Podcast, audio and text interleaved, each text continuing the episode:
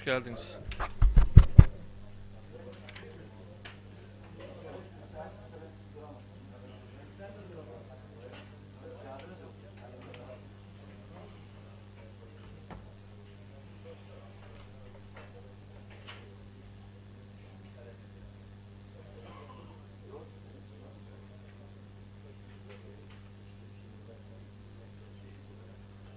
Face'te paylaşmadınız mı?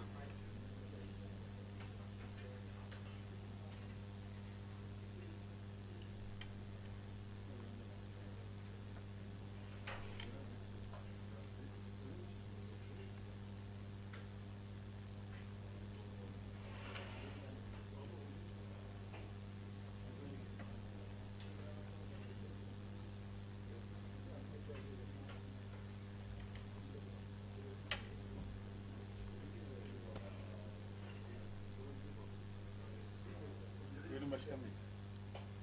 Hakkı abi. Euzubillahimineşşeytanirracim. Bismillahirrahmanirrahim. Elhamdülillah, elhamdülillahi Rabbil alemin. Ve salatu ve selamu ala Resulina Muhammedin ve ala Ali ve sahbihi ecmain. Evet, hoş geldiniz, sefa geldiniz.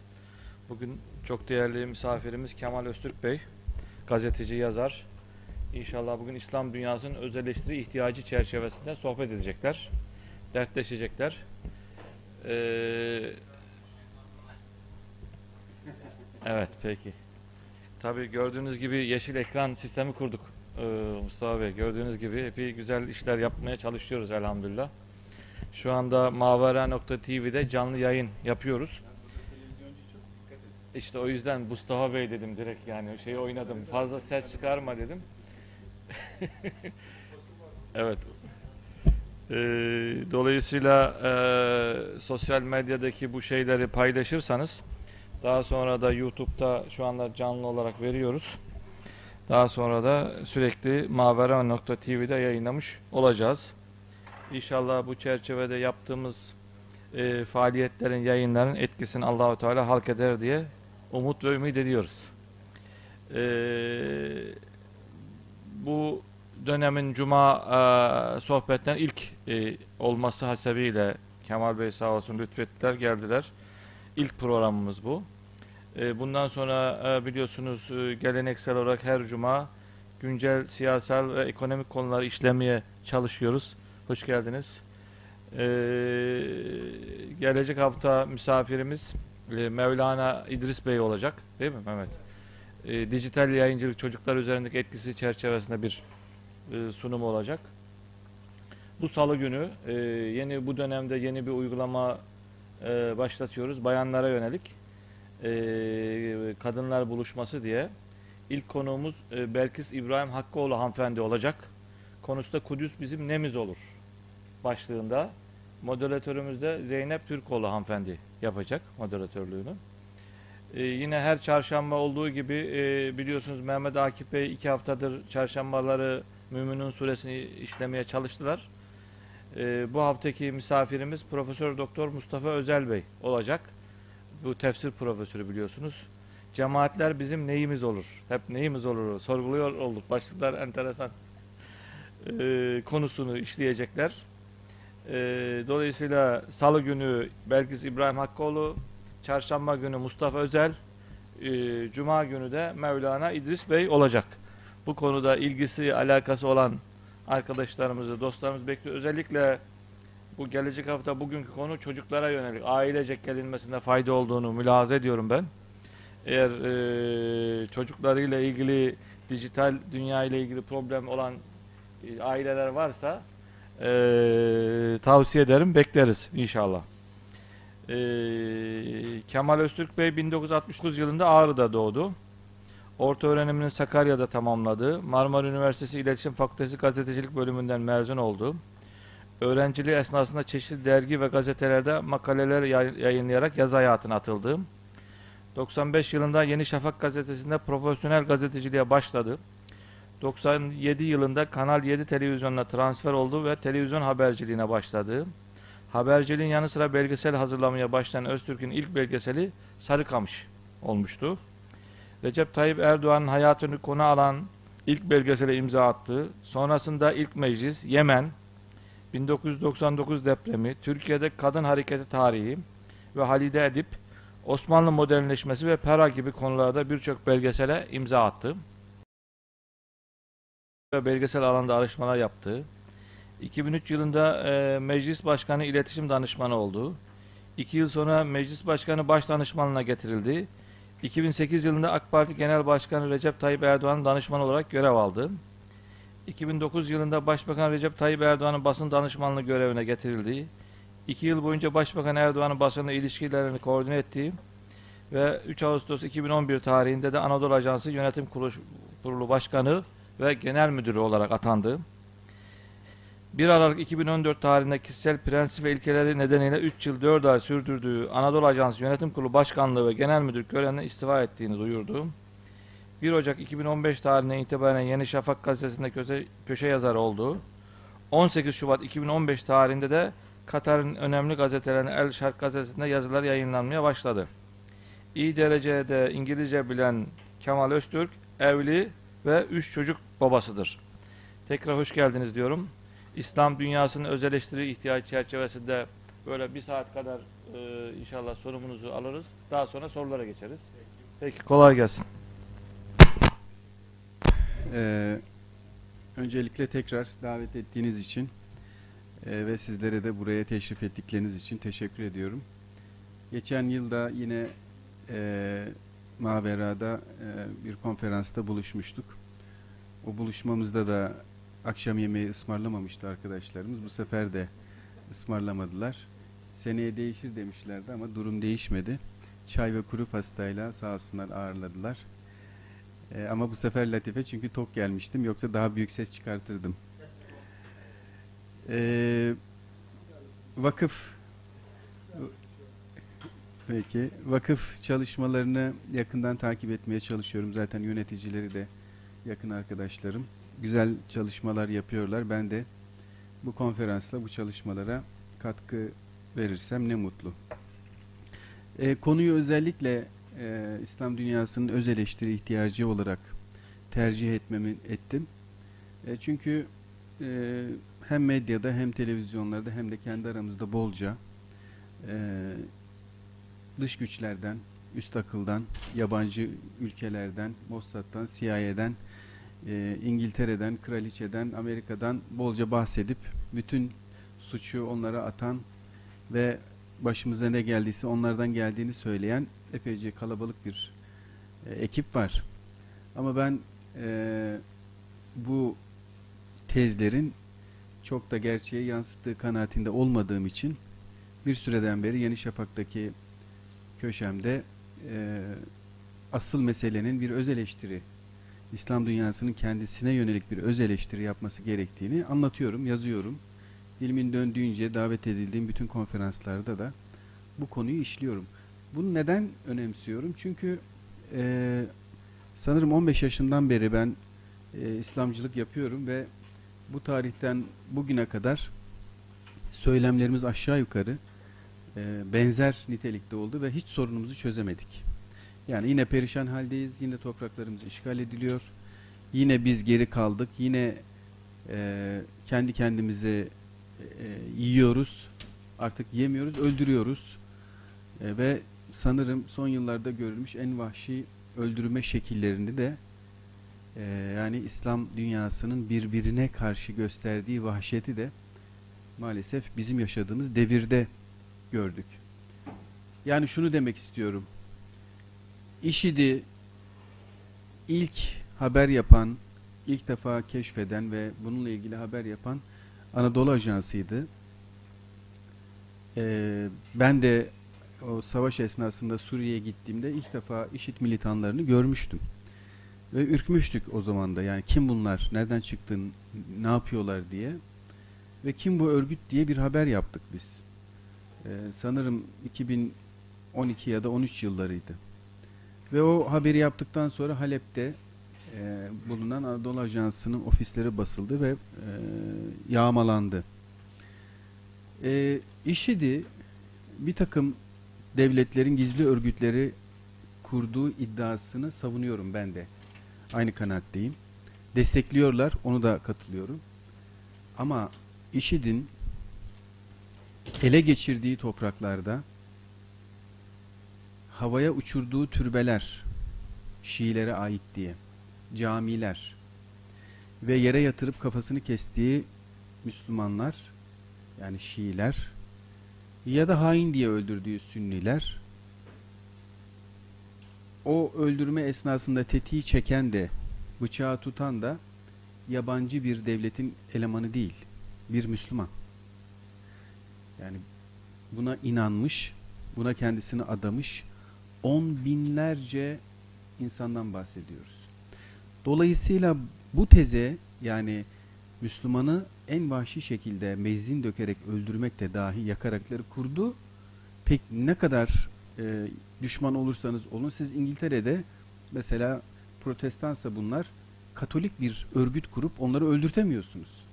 Ya da Katoliklerin içerisine Ortodoks bir örgüt kurup onları öldürtemiyorsunuz. Ama bizde yapabiliyorlar bunu. Şu anda dünyadaki en vahşi tırnak içerisinde söylüyorum, vahşi olarak anılan ve en tehlikeli olarak görülen örgütlerin tamamı neredeyse Müslüman dünyasına ait. Evet bunları propaganda malzemeleriyle köpürtüyorlar, parlatıyorlar, büyütüyorlar. İşte El-Kaide, El-Nusra, e, efendim IŞİD, e, Taliban, e, cihadist, Boko Haram, aklımıza bir sürü şey gelebilir. Bunların hepsi ne kadar parlatırsanız parlatın. Eğer yoksa bir gün ortaya gerçeği çıkar. Ama varlar. Varlar ve gerçekten de söylenenlerin yüzde ellisini yapmışlarsa bile durum vahim demektir. Yani bir Müslümanın bir Müslümanı öldürmesi başlı başına büyük bir olaydır. Ama daha büyük olay, daha vahim olan şey şudur. Bir Müslümanın başka bir Müslümanı şehvetle, arzuyla ve büyük bir istekle öldürmesidir. Ben Irak'a ve Suriye'ye gittiğimde bana orada gösterilen videolar vardı. Yani o videoda bir Müslümanın yere yatırıp kafasını kesip sonra karnını deşip sonra ciğerlerini çıkartıp yiyen insanlar gördüm. İnsanlar şunu tartışıyor. Bu Haçlı Şabi miydi, işit miydi? İkisi de yapıyor. Tartışmanın ana noktasını bu yüzden kaçırıyorlar. İşit yaptı bunu. İşit yaptı, şunun üstüne attı.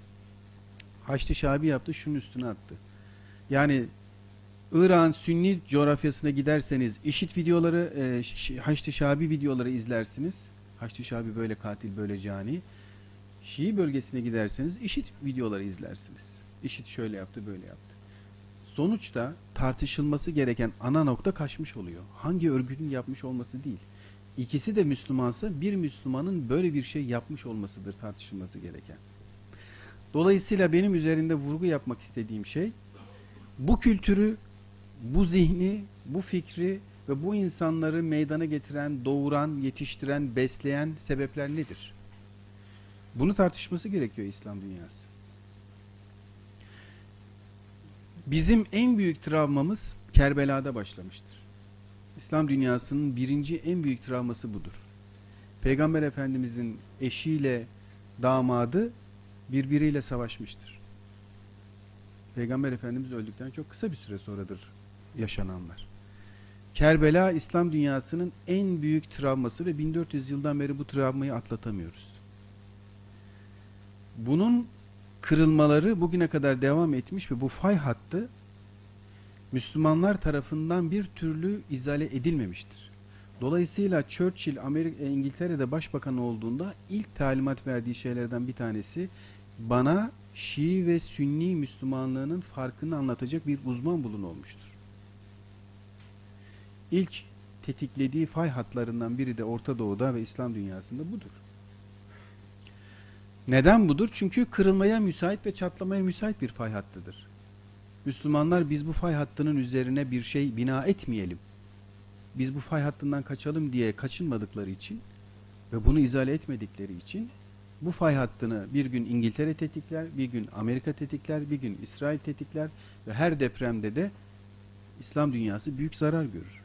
Dolayısıyla birinci fay hattımız, birinci kırılma noktamız Kerbela'da başlamıştır. İkinci büyük travması İslam dünyasının Moğol istilasıdır. 1200'lü yılların başında Moğolların doğudan gelerek neredeyse İslam coğrafyasının tamamını işgal etmiş. Dicle nehrinde kitap ve kesilmiş baş akmıştır. Öylesine büyük bir tahribat yaratmıştır ki, öylesine büyük bir işgal ve e, yıkım uygulamıştır ki, İslam medeniyetinin çöküş tarihi olarak da o tarih kabul edilmektedir. Yani bizim kurduğumuz büyük, parlak, güçlü medeniyet Moğol istilasıyla son bulmuştur. Sebebi de şudur. Moğol istilası başladığında Endülüs'te emirlikler birbiriyle savaşırken Kuzey Afrika'da Fatimiler, e, Berberiler ve diğer Müslümanlar birbirleriyle kavgalı.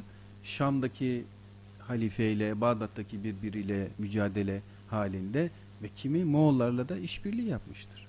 Dolayısıyla İslam dünyasının kendi içindeki ayrılıklarını, çekişmelerini ve birbiriyle uğraşmalarını da Moğollar bir enstrüman olarak kullanmış ve İslam coğrafyasını tarumar etmiştir. Tamamını yıkmıştır. Yüz yıl boyunca da bu topraklarda kalmış, bir tek otun dahi yetiş yetişmesine izin vermemişlerdir. Ama takdiri ilahi şudur ki, 100 yıl sonra 1299 yılında Söğüt'te Osmanlı e, soyundan gelen insanlar bir birlik kurmuşlar ve bu birlik daha sonra Moğolların çekilmesinin de ardından büyümüş ve İslam dünyasının yere düşmüş sancağını tekrar kaldırmıştır. Yani İslam devletleri içerisinde sancağı düştüğü yerden kaldıran Osmanlı İmparatorluğu olmuştur. Üçüncü e, büyük travmamız Osmanlı İmparatorluğu'nun e, yıkılmasıdır. Birinci Dünya Savaşı. Büyük bir e, imparatorluk kurmuştur Osmanlı. Yavuz'la beraber de aslında tekrar tetiklenen bu Şii-Sünni fay hattını e, güç kullanarak e, kendi lehine çevirmiş.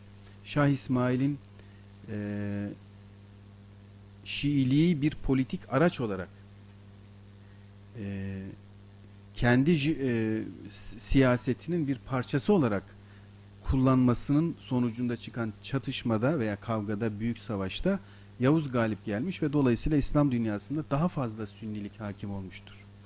İslam dünyasında Şiiliği araçsallaştıran Şah İsmail'dir.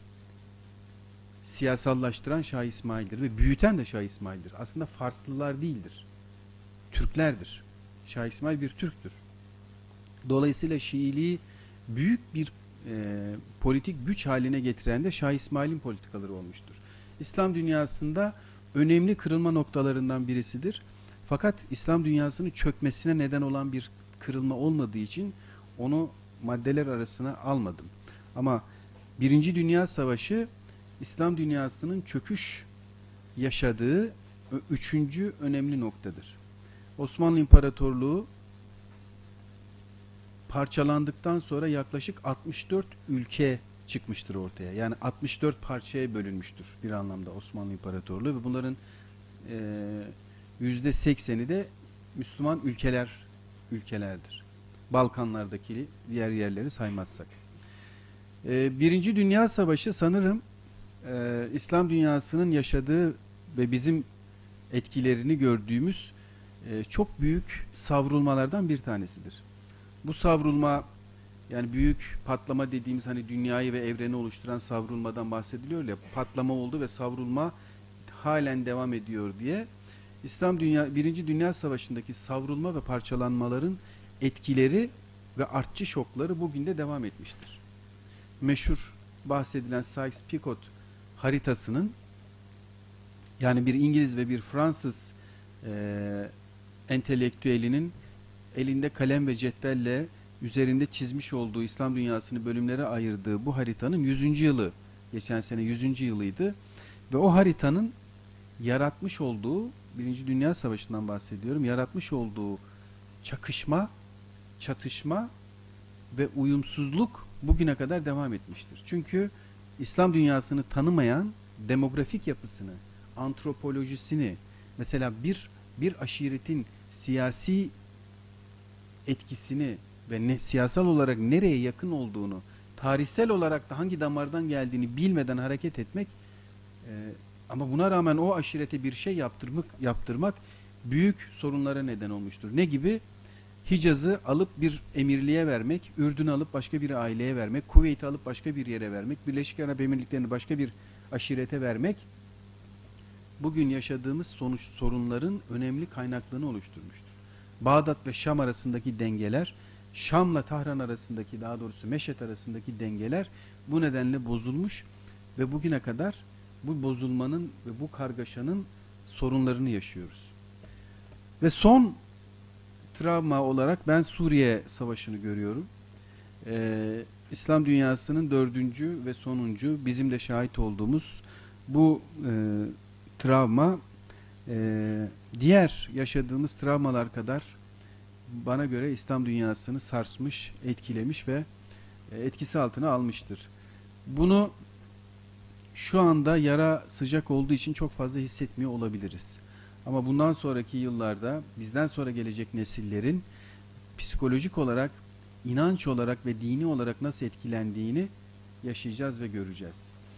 E, FETÖ gibi örgütlerin, IŞİD gibi e, örgütlerin, El-Kaide gibi, Nusra gibi, Boko Haram gibi, Taliban gibi örgütlerin neden olduğu e, zihinsel travmalarımız e, bizden sonra gelen kuşaklarda kendisini gösterecektir. Belki biz şu anda çok üzülüyoruz, sıkıntı yaşıyoruz, stres yaşıyoruz ama bizden sonra gelecek çocuklarımız ve çocuklarımızın çocuklarında göreceğimiz sorunlar deistlik yani dinsiz ama Allah'a inanan bir ekol, ateistlik yani hiçbir şekilde dini inancı olmayan e, insanlar e, uç sekülerizm e, yani laikliği daha da uçlarda daha da e, köşeli yaşayan nesiller ve İslam'dan başörtüsünden sakaldan dindarlıktan dini jargondan dini söylemden tamamen kopması muhtemel nesillerden bahsediyorum. Sebebi de şudur. e, IŞİD'in yapmış olduğu e, cinayetlerin çok güçlü propaganda alet araçlarıyla yapıldığı dikkatinizden kaçmamıştır. Yani biz televizyoncular olarak bu orada yaşanan senaryoyu, orada uygulanan e, senaryoyu aşağı yukarı biliyoruz ve çok profesyonel ekipler tarafından kurgulanmış senaryolardır bunlar. Yani infaz görüntülerini e, sinema teknik, tekniklerinde kullanılan cimicip dediğimiz, şaryo dediğimiz aletleri kurarak yapmış e, kamera açılarını, müzikleri, geçişleri bunların tamamını profesyonel ekiplerin çektiğini e, gördük biz ve bunlar çok etki yaratan teknikler. Bu tekniklerin sadece işidi mahkum eden yani bunu yapan Müslüman olamaz. Gerçekten Müslüman olamaz. Yani ben de diyorum bunu bunu yapan Müslüman olamaz diye. O zaman IŞİD'in e, neden olmuş olduğu kırılmanın ve sarsıntının sadece Batı dünyasında İslam'ı, Müslümanları mahkum etmek için değil, aynı zamanda İslam dünyasının kendi içinde de büyük bir kırılmaya ve savrulmaya neden olacak etki olduğunu gözden kaçırmamamız lazım. Bunun tam paraleli ki bu konuda yine ilk yazıyı neredeyse ben yazdım Haçlı Şabi ile ilgili. Irak'a gittiğimde Musul operasyonunu izlemek için gittiğimde fark etmiştim bunu. Ee, tam paralel daha doğrusu simetrik olarak Sünni dünyasında kurulmuş bu örgütün tıpatıp benzeri. Sadece Şii olmasının haricinde hiçbir farkı olmayan bir örgüt Şii dünyasında kurulmuştur. Telafer'de Telafer'in ele geçirilmesinden sonra yani ilk önce Telafer'i ele geçiren Şiilerin yapmış ol, şey, IŞİD'in yapmış olduğu katliamların aynısını bu sefer Haçlı Şabi ele geçirdiği topraklarda Sünnilere uygulamıştır. Çünkü IŞİD bunu bize yaptı diyor. Bir kısas uyguluyorlar yani. Ee, aşağı yukarı olayları ve yaşananları bildiğiniz için daha fazla örnek vermeyeceğim. Fakat e, bizim bu süreç içerisinde Müslüman dünyasının özellikle de bağımsız Müslümanların yani bir tarikat ehli, bir tasavvuf ehli olmayan, daha fazla siyaseti takip eden, politik olayları bilen e, İslam dünyasının e, bu konulara kapatını ve bunun nedenlerini bulması gerekiyor. Fakat iki tane sorunumuz var. Bir, Osmanlı birçok kavramı siyasallaştırıp dağılmama aracı olarak kullanmıştır. Bunlardan bir tanesi ümmet kavramıdır. Ümmet kavramı o güne kadar çok kullanılan bir şey değildir aslında. Osmanlı parçalanmak üzere olan mesela elinden kaç e, Balkanlara Balkanları elinden tutmak için Orta Doğu'da ve Kafkasya'da çok yaygın bir şekilde kullanmıştır. Bu kavramın başından beri karşı olan birisiyim aslında ben. Yani İslamcılık kavramını doğru bulmayan birisiyim. Sebebi de şudur. Bu kavram bize ait bir kavram değildir. Kavramın çıkış tarihi 1873-78 yılları arasında Franz von Warner bir Alman askeridir ve Ariminus Wembrey bir Alman Yahudisi bilim adamıdır. İlk defa kullanan kişiler bunlardır. Panislamist kavramını kullanmışlardır ve Tunus'un Fransızlar tarafından işgal edilmesi, Mısır'ın İngilizler tarafından işgal edilmesi ve Kafkasların Rusya tarafından işgal edilmesi üzerine başlayan direniş hareketlerini tanımlamak için kullanmışlardır. Halbuki İslamcılık veya İslamist gibi kavramlardan hiç haberi olmayan, günlük hayatını yaşarken topraklarının işgal edildiğini gören Müslümanlar ortaya çıkmışlar ve demişler ki sen benim toprağımı işgal edemezsin. Ederim o zaman çatışıyorlar. İşte bu insanlar ilk defa bu hareketleri yani bu direniş yani bu vatan savunması, bu toprak savunması ve kendi milletini, evladını, çocuğunu savunmak için ortaya çıkmış bu insanları panislamist hareketler olarak tanımlamıştır. İlk defa 1873-78 yıllar arasında. Kemal Karpat'ın İslam'ın Siyasallaşması isimli çok önemli bir eseri vardır. Beyfi Bey İslamcılığı tırnak içerisinde söylüyorum şöyle tanımlamıştır. Yani bizim ortaya çıktığımız hareket ne anlama geliyor diye sorduklarında Behçet Vehbi Bey şöyle anlatmıştır bunu. Müslüman milletlerin en aydınlanmış sınıfları sadece ahlaki ve entelektüel bir amaçla ahlaki ve entelektüel bir amaçla ortak bir ideal yani ilerleme ve ortak bir özlem yani özgürlük arayışı içinde yapılmış üstü örtülü bir sözleşmedir. Özgürlük arayışı bugün belki bizim çok hissetmediğimiz bir kavramdır ama eğer işgal edilmiş bir toprağa giderseniz Kudüs gibi orada özgürlük ne anlama geliyor? Onu çok derinden ve çok acı bir şekilde hissedersiniz ki bu, bu da bir Hindistanlı Müslümandır. Toprağı İngilizler tarafından işgal edilmiştir. O nedenle İslamcılık kavramını en önemli vurgularından bir tanesini idealizm ve özgürlük arayışı olarak tanımlıyor. Devam ediyor. Amacı yani bu hareketlerin amacı 300 milyon insanoğlunu Müslümanları kastediyor. Cehalet içinde tutan ve aşağılayan ve ahlaki ve fikri yeteneklerini özgürce başlarında yani 1905 yılında ifade ettiği bu dönemde e, aklını görmeye çalışın. Bütün topraklar neredeyse işgal edilmiş. Dolayısıyla İslamcılık hareketini bu topraklarda yaşayan 300 milyonun ahlaki ve fikri yeteneklerini özgürce kullanmasına engel olan emperyalizme karşı bir direniş olarak görüyor. Yine devam ediyor. Bu boyunduruluktan kurtulmak için bu hareketler vardır diyor. İster Papa, burası çok önemli, ister, yani Müslümanların halifesinden bahsediyor. Cemalettin bu damardan yani bu tanımlamadan dolayı ilerledi, bu tanımlamadan yola çıkarak ilerlediğini düşünüyorum. Ama ben kendimi tam olarak böyle e, burada yazılan gibi hissediyorum. Yani hem Papa'ya yani bizim bugün yaşadığımız sorunların önemli kısmı Vehbi Bey'in ifade ettiği Haçlılara karşı sesimizi yükseltirken kendi içimizdeki halifelere karşı sesimizi yükseltmememizden kaynaklanan sorunlar var. Ne demektir bu? Mesela Ürdün'deki medreselerde şu an halen aktif olan medreselerde eğer gidip okursanız Afganistan'a giderseniz oradaki medreselerde aynı zihinde insanların yetiştirildiğini görürsünüz. Biz Afganistan'da 79 78 79 yıllarında hatırlayınız e, Rabbani, Hikmetyar gibi direniş kahramanların hikayelerini çok dinledik, anlattık. Büyüklerimiz bileziklerini çıkardılar, alyanslarını çıkardılar, oraya bağışladılar. Ve Rusya ya karşı verilen cihat kazanıldı. Sonra ne oldu? Birbirlerini vurdular. Doğru mu? Doğru. Peki birbirlerini vurmalarını Rusya mı sağladı? Hayır.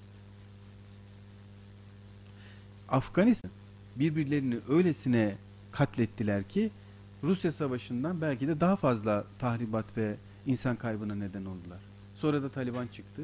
O bir de o üstünden geçti. Bugün Afganistan'a gidin ki arkadaşlarımızdan biri birkaç ay önce oradan döndü.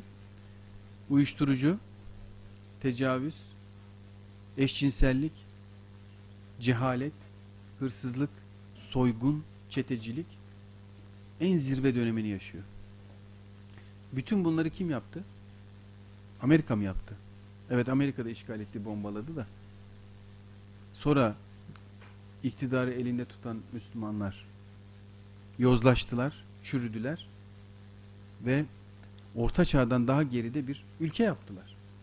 Bunun sorumlusu Amerika ile Rusya'ya faturayı keserseniz işin kolaycılığına kaçmış olursunuz. Irak işgali Amerika geldi 1 milyon tane Müslümanı öldürdü. Sonra çekildi. Peki sonra Şiiler niye Sünnileri öldürdü? Sonra Sünniler niye Şiileri öldürdü? Değil mi?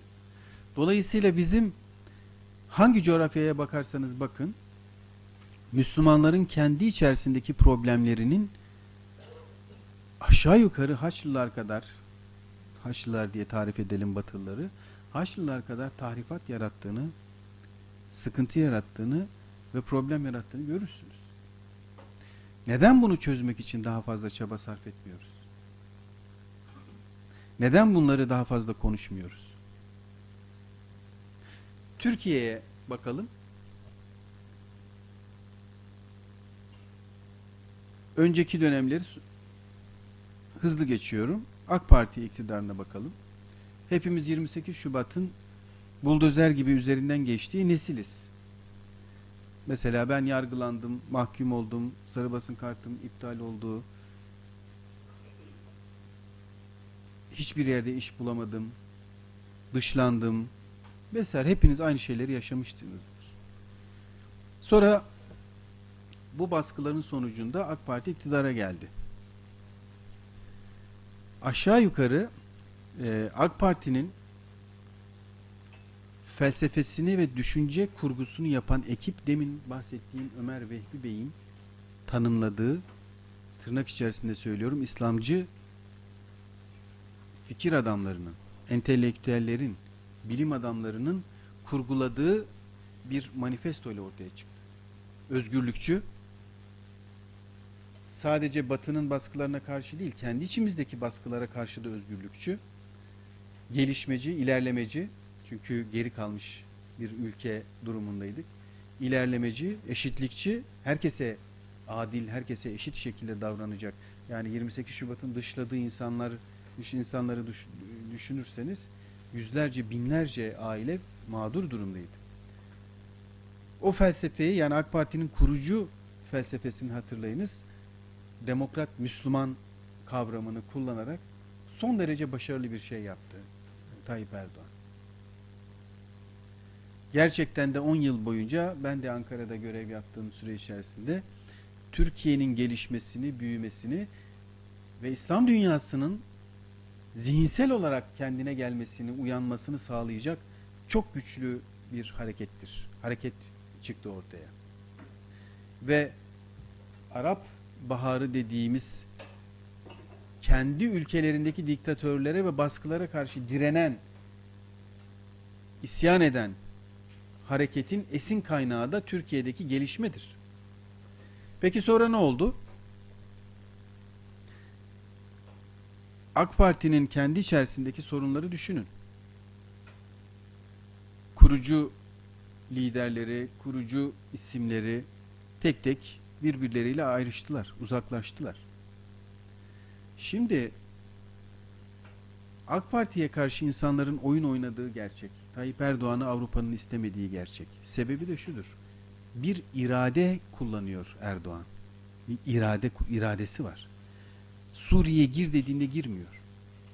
Irak'tan çık dediğinde çıkmıyor. Ben karar vereceğim diyor. Zamanına ve yerine ben karar vereceğim diyor. Hatırlayınız Obama bu konuda bir eleştiri yapmıştı. Güçlü ordusunu Suriye'ye sok dedik sokmadı. Barzani'den desteğini çek dediler çekmedi. Dolayısıyla irade kullanan, inisiyatif kullanan bir lideri hiçbir batılı istemez. Almanya'nın bugün en büyük problemi de budur. Bizimle uğraşıyorlar.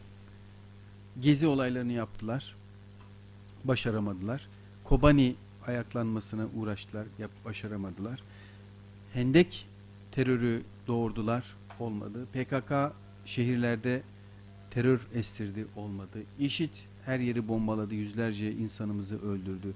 Olmadı. 17-25'i denediler olmadı ve sonunda darbe yapmaya kalktılar. O da olmadı. Çok kahramanca bir şey. Çok övünülecek bir mücadele ve direniş. İşte bundan sonraki kısmı bana göre öz eleştiriye giriyor. Bütün bunları yapmış ve direnmiş bir AK Parti'nin 15 Temmuz'dan sonra kollarını açıp tıpkı yeni kapıdaki miting gibi İslamcıları, Kemalistleri, solcuları, sağcıları, liberalleri vatan savunması hattına çağırması gerekirdi. Ve yeni kapıda yaptı bunu. Neden böyle? Saldırı altında olan bir ülkenin yapacağı ilk şey savunma hattı kurmaktır. O savunma hattında da hiçbir ayrım yapmamasıdır. Yapıyorsa bunu kendisini sorgulaması gerekiyor. Bugün AK Parti'nin Tayyip Bey'in ifadesiyle metal yorgunluğu, e, iltimas, e, torpil, mesela bakan yakınlarını artık partide görmek istemiyoruz, üst düzeyde görmek istemiyoruz diyor. Yani Tayyip Bey'in öz eleştirileri aslında oldukça sert. Bize hırsızları iş başına getirttiniz demeyin gibi çok sert eleştirileri var Erdoğan'ın. Dolayısıyla kendi partisi içerisinde yaşanan bir sorundan bahsediyor. Daha önemli şey şunu görüyorum ben.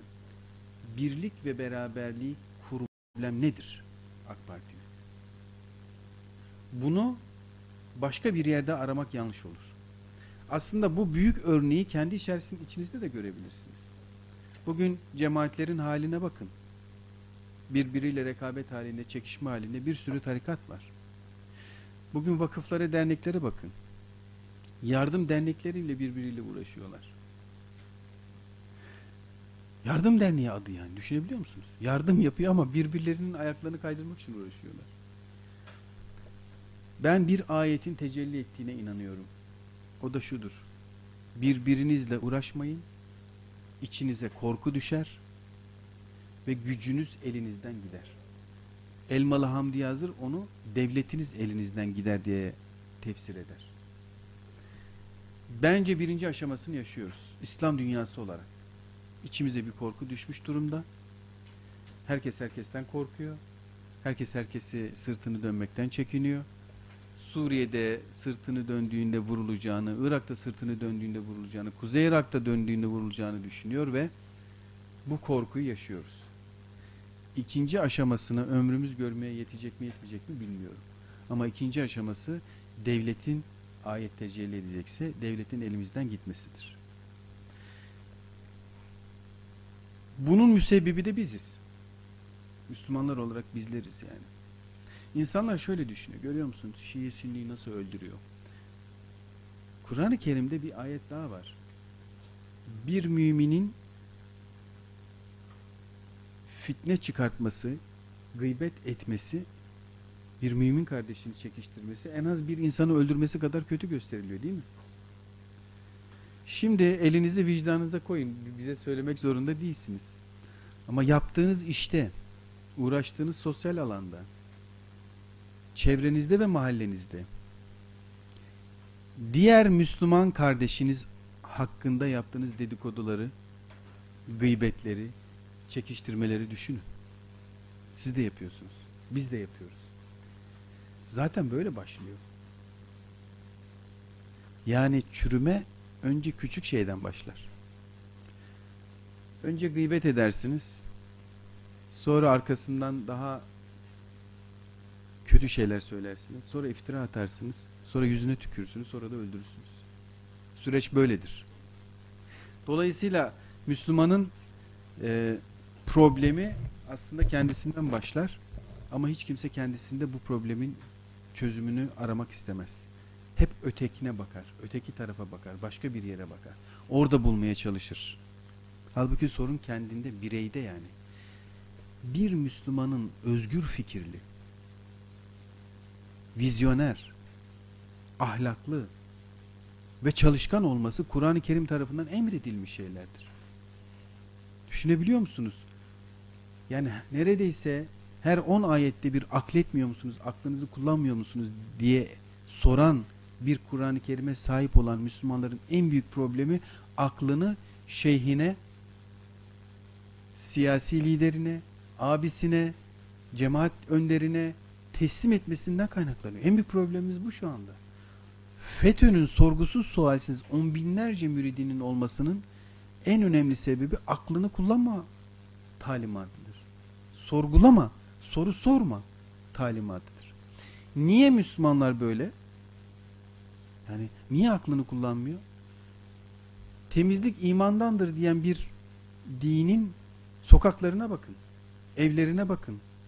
Orta Doğu'ya bir gittiğinizde görün.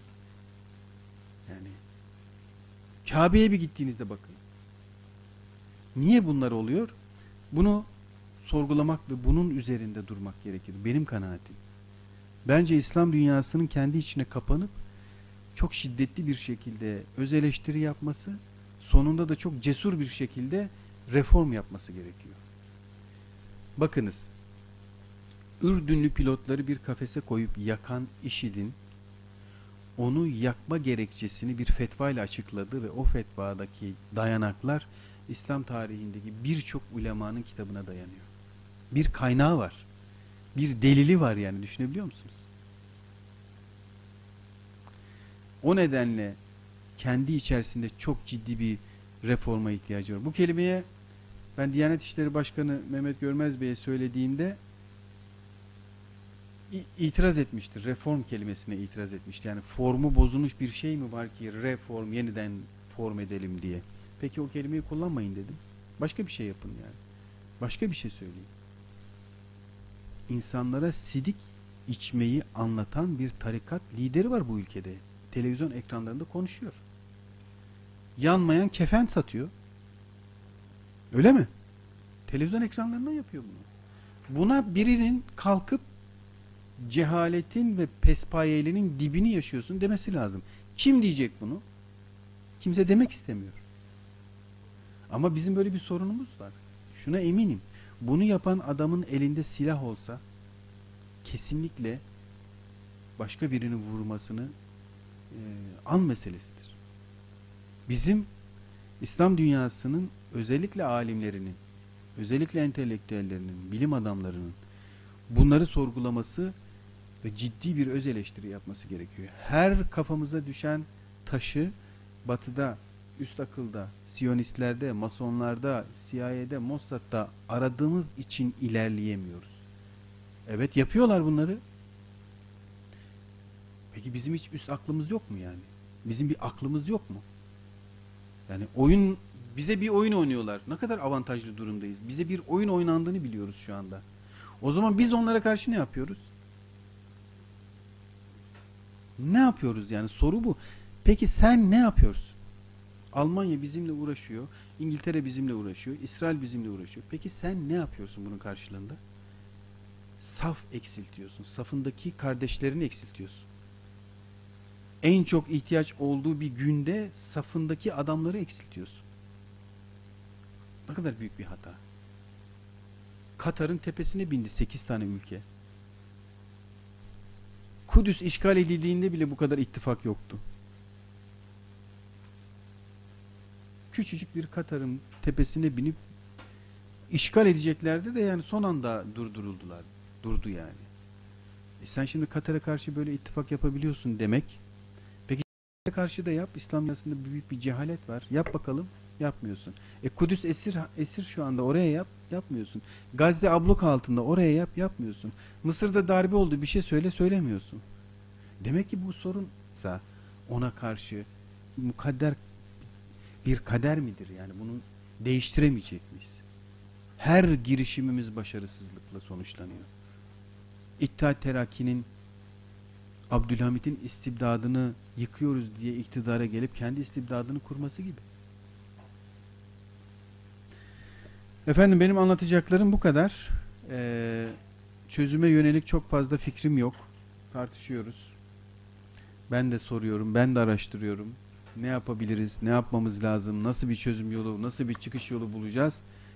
Bunu ben de bulabilmiş değilim. Ama bulmamız gerektiği konusunu anlattım sizlere. Sayın Başkan süremi ihlal ettim mi acaba? Yok. Güzel oldu. Çok teşekkür ediyoruz. Peki. Ağzınıza sağlık. Vicdanlarımıza hitap ettiniz. Bazı duygu düşüncelerimize tercüman oldunuz. Ee, tabii bunun e, siz de son cümlenizde söylediğiniz gibi çözümüyle ilgili de kafa yormak lazım.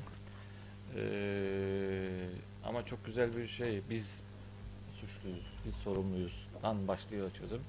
Dolayısıyla bizden başlıyor. Bizim Şu cümleyi unuttum özür dilerim kurmayı. Dolayısıyla bizde başlayan problemin bizde bir e, çözümü de başlaması, bizden başlaması çok şey, sağlıklı ve doğru olur. Çünkü siz de çok güzel bir şekilde ifade edin. Bizde genel bir e, hastalık düzeyine gelmiş problem var. Üçüncü şahıslar üzerinden problemleri konuşmak. Üçüncü şahıslar üzerinden güzellikleri konuşma şeyimiz var. Genellikle kolaycılığımız var. İşte şu insanlar çok güzel faaliyetler yapıyorlar, çok iyi insanlar. Şu insanlar çok kötü insanlar. Desise kuruyorlar ama aynaya bakarak sen ne yapıyorsun, kendin ne yapıyorsun sorusunu sorduğumuzda çözümün başlayacağını zannediyorum ben. Ee, çok teşekkür ederim. Ağzınıza sağlık. Evet arkadaşlar sorularınız ve katkılarınızı bekliyoruz lütfen. Bir de çay bekliyoruz. Bir de çay bekliyoruz. Bunu soğudu. Değiştirelim. Evet. Buyurun, buyur. Lütfen, buyur. Olsun, ne güzel, buyur. Yayın, yayına girin. Evet, Bugün cuma tam diyorum yüzde doksanı veya yüzde yüzü cumaya gitmiştir. evet. Hoca efendi bedenlerken ne yapıyor? Bir tek din vardır. O da Allah'ın dini İslam'dır. Doğru mu? Şimdi İslam alemi demin hocam da söylüyor. Sadece senaryo üretiyoruz. Yani biz hani çocuklarımıza diyoruz ya iş yapacak adam iş yapar. Yapmayan da bahane üretir. Şu anda İslam alemi ben 61 yaşındayım. 60 yaşındayım. 11 yaşından beri şey bilirim. Sadece laf üretiriz. Bize göre bir tek din var. Allah'ın dini. O da güzel ahlaka dayanır. Ama hocam yukarıda işte Moğolları örnek verdi. 1400 sene evvelki Kerbala. Ya tamam da bu İslam dinini biraz da küçümsemek gibi Allah muhafaza. Yani Kerbala olayı, Moğolların öbürü, Haçlı seferleri, bugün geldiğimiz nokta bu İslam dinini küçümsemekten geliyor. O zaman sonuç nerede? Çözüm dedi de hocam. Çözüm İslam dini. Bir tek din var ya o da Allah'ın dini. O zaman İslam dinini biz öğretemiyoruz. Ondan sonra da çıkıyoruz, senaryo üretiyoruz. Bunu masonlar yaptı, siyonistler yaptı, Amerikan Almanlar yaptı. Onun için hocam katılıyorum fikirlerinize. Ama çözüm noktasında maalesef üretemiyoruz. Çünkü işin kolayına kaçıyoruz. Onun için çözüm hocam o senaryo üretiminden kurtulacağız. Diyorum açık ve net. Kısa bir şey anlat. Bundan 2-3 ay evvel Budapeşte'ye gittim. 150-200 sene Osmanlı orada imparatorlukta idare etmiş. Ya bizim ne diyoruz en büyük cihat yaşadığımız değil mi? Ya hiç mi bir şey bırakmadın orada? Yani diyelim ki hadi Avrupalı şöyle yaptı, öbürü böyle yaptı. Böyle. Hiç mi bir şey bırakmadın? Emin olun hiçbir şey bırakmamışlar. Gerisini siz söyleyin hocam. Peki. Ben söyleyeyim çok aldım Teşekkür da. ederiz. Teşekkür ederiz. verelim hocam. Evet, buyur. Ben fikrimi söyledim hocam. Evet, teşekkür ederiz. Evet. Her ikisi de rahmetli oldu. Allah rahmet eylesin. Ömer Lütfü Mete ve Mahir Kaynağ'ın e, birlikte hazırladıkları bir kitap vardı. E, Derin Devlet diye. Orada okumuştum. E, diyor ki derin devlet Türkiye'de e, halkın büyük bir kısmında çok yanlış anlaşılıyor. Biz derin devlet deyince işte devletin içinde çeteleşmiş, gruplaşmış yapılar olarak algılıyoruz. Oysa derin devlet, devletin e, namusunu kurtaran devlettir. Gibi bir tanımlama vardı orada. İngiltere'de derin devlet, kraliyet ailesidir. E, başka ülkelerden de örnekler veriyor. Şimdi ben e, özellikle Suriye Savaşı örneğinde Kemal Bey'e bu soruyu sormak istiyorum. E, Suriye Savaşı'nın başlangıcından e, günümüze kadar gelen süreç içerisinde ciddi anlamda değişimler oldu. Büyük devletlerin siyasetlerinde de böyle değişimler oldu. Ve devletler değişen şartlara göre kendi siyasetlerini güncelleyerek farklı çözümlemelere gittiler. Türkiye e, bu anlamda e, kendini güncelleyebildi mi? Türkiye'de e, en azından ilk AK Parti hükümeti döneminde e, böyle bir derin devlet aklı Ömer Lütfü Mete ve Mahir Kayna'ya atfen söylüyorum oluşabildi mi? Sorun bu şekilde. Teşekkür ederim.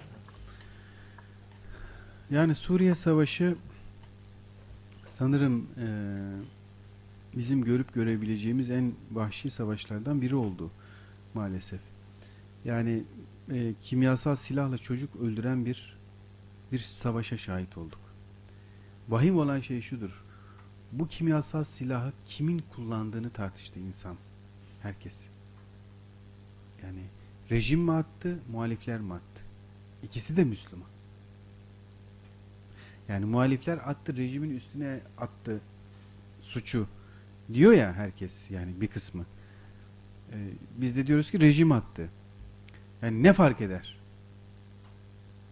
Bana göre tabii benim kişisel görüşüm yani. Neticede bir Müslüman attı.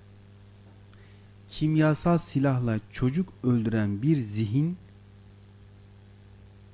Müslüman olarak tanımlanıyor. Kim yaparsa ekiyor. Yani elbette güncel olarak tartışacağız. Türkiye politikada hata yaptı mı, yanlış yaptı mı, İran ne yaptı, o ne yaptı, bu ne yaptı. Ama daha vahim sorununda açlıkla öldürülen. Bakın, açlıkla öldürmek bana göre insanlığın dibinde olan şeylerden biridir yani. Vurursunuz, kafasını kesersiniz. Bu başka bir şey. Açlıkla öldürmek şudur yani. Günlerce o insanı bir kafesin içerisinde koyuyorsunuz ve izliyorsunuz ölmesini. Sonra açlıktan ölüyor. Böyle bir şey olur mu? Oldu. Ve bunun fotoğraflarını çekti bir Suriye subayı gizliden. Sonra bunu kaçırdı yurt dışına. Dünyada dört tane basın kuruluşuna dağıttı İngilizler bunu. Bir tanesi de Anadolu Ajansı'yla. Teslim almaya da ben gittim. Arkadaşlarım hatırlayacaktır onu. Biz onu yayınlamaya, yayına hazırlarken ilk gördük tabii fotoğrafları. Araba tigrel kayışı var biliyorsunuz. Arabanın şeyinde. Tigrel kayışıyla boğulmuş insan görüntülerinden tutunuz. iskelete dönmüş insanlara kadar inşaat teliyle boğulmuş insan görüntülerini akıl almayacak görüntüler. Biz günlerce uyuyamadık. Yemek yiyemedik. Benim 3 yaşında o zaman 1,5 yaşındaydı kızım. Ee, çocuklarım vardı ve kimyasal silahla öldürülen çocukların görüntülerini biz dünyaya ilk yayan ajanslardan biriydik. Şimdi sonuçta şunu soruyorum. Yani bunu kim e, yapmış? Rejim yapmış. İşte muhalifler yapmış. Bana hep bu e, mesajları, bu tepkileri gönderdi çevremdeki insanlar. Bunu rejim yapmadı. Yani ben de diyorum ki muhalifler de yapsa, rejim de yapsa Müslüman yaptı. Yani bizim kendimizi sorgulamamızı buradan başlamamız gerekiyor. Türkiye'nin Suriye politikasının yanlışlığı bana göre çok altlarda tartışılacak bir konu. Kimyasal silahla çocuk öldüren bir Müslüman kitle var. Bu nasıl oldu? Nasıl bu olabiliriz böyle? Bence soruyu burada tartışmak gerekiyor. Yani ana ana problemimiz bu. Türkiye hata yaptı. Tabii ki yaptı. İran da hata yaptı. Türkiye de hata yaptı. Çünkü çocuk öldürmeyi göze alabilecek bir zihin yapısı var. Müslümanların içinde var bu. Yani Saddam Halepçe'ye bomba attığında biz eğer ya bir Müslüman nasıl kimyasal silahla bir başka Müslümanı öldürebilir? Bir dakika bunu hangi şey doğurdu diye tartışsaydık o zamanlar. Kaç yılı? 87 miydi Halepçe? Değil mi? O civarlardı. Şimdi onu tartışmadık hiç. Evet Halepçe'ye sahip çıktık, ağladık, sızladık da ya bir dakika nasıl olabilir ya? Kimyasal silahla yani bir Müslüman bir Müslüman nasıl öldürebilir yani? Kendi içimizdeki insanlara karşı eleştirimizde bir problem var yani. Ve o eleştirinin ana noktalarını kaçırıyoruz yani. Ana Amerika'nın adamı bu. İngiltere'nin adamı. Saddam Amerika'nın adamı. Amerika yaptı. Öyle değil.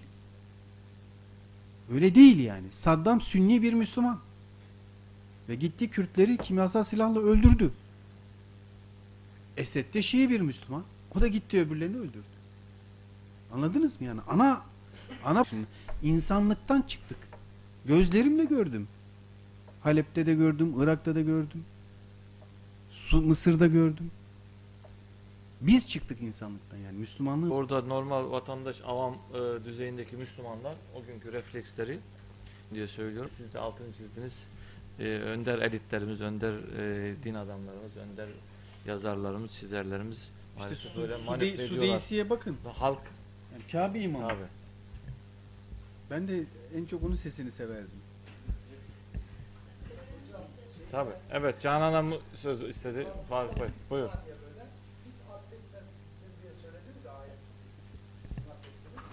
Hocam sıkıntıdan şöyle bir 1400 sene evvel olan bir Kerbala olayı bugün bizim hayatımızı yönlendiriyor. Ve düşünmüyoruz. Yani baktığınız zaman o kadar. Evet. Peki buyur Canan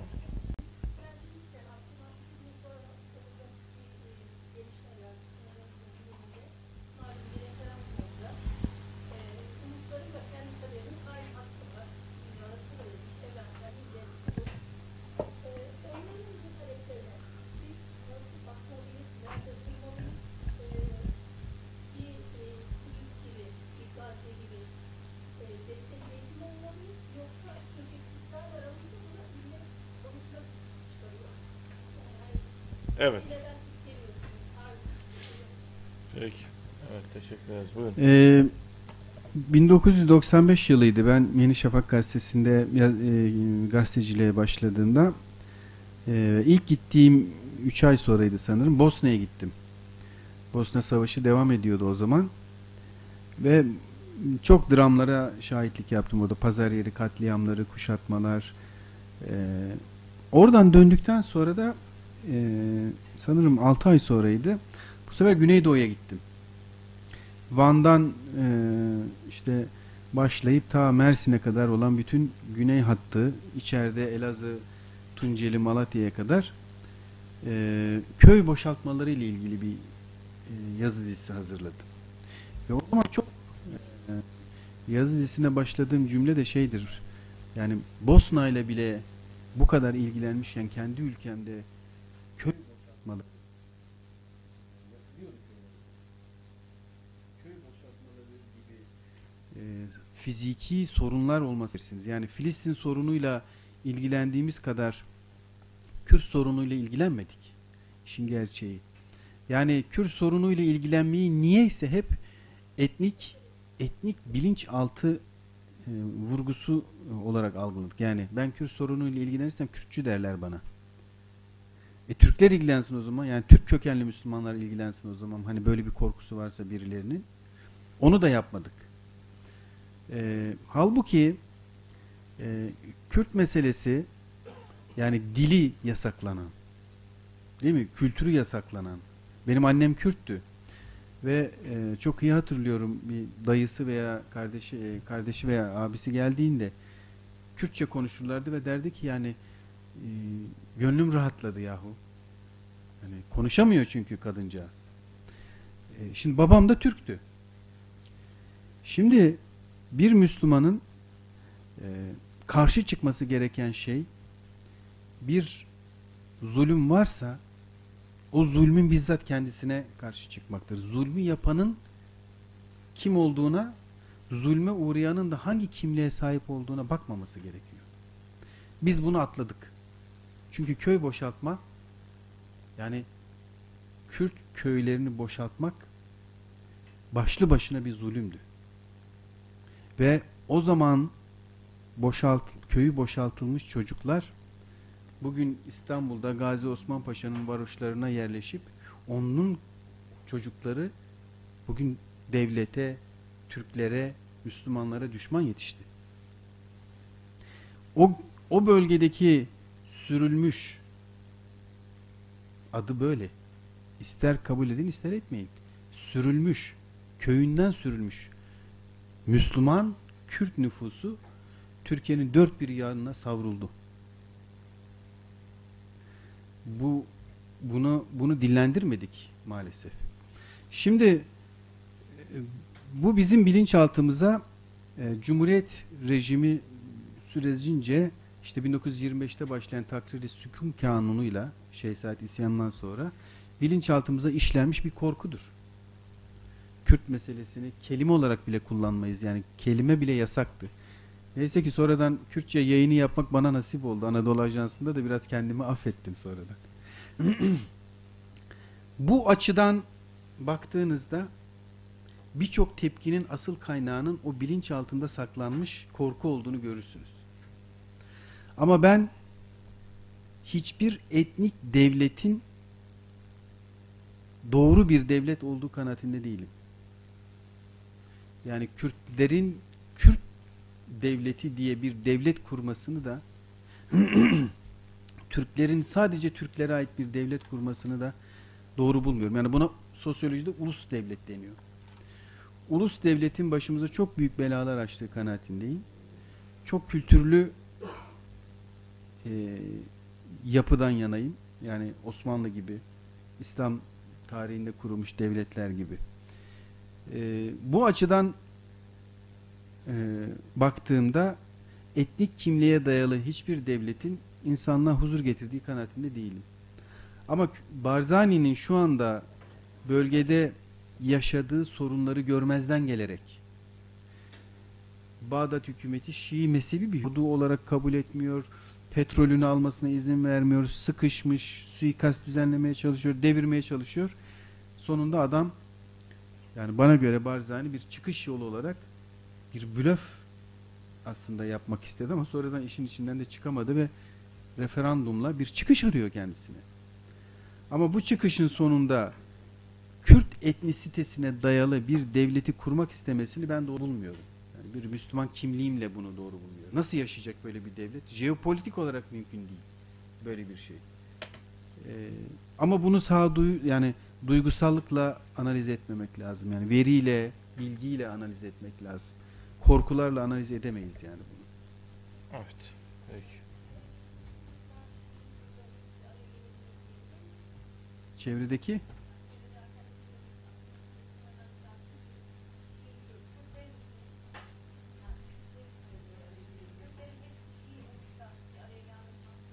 Şii mi? Şii olsa diyor.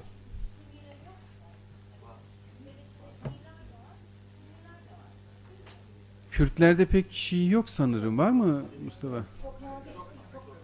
Sünnidir ağırlıklı.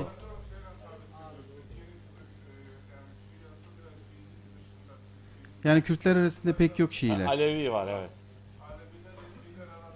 Evet.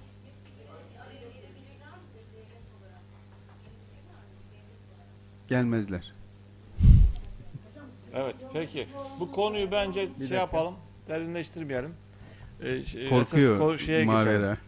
İslam dünyasını öyle özelleştirip istersen kaçmayalım. Zaten problemimiz bu. Bak problem buraya yansıdı Mustafa gördüğün gibi. Esas kendi aynaya bakmayı şey yapalım. Ee, evet. Evet. Evet. Evet. Yapmaz. Evet. Olmaz. Siz işte buyurun biraz birkaç kelam buyurun Mustafa Bey.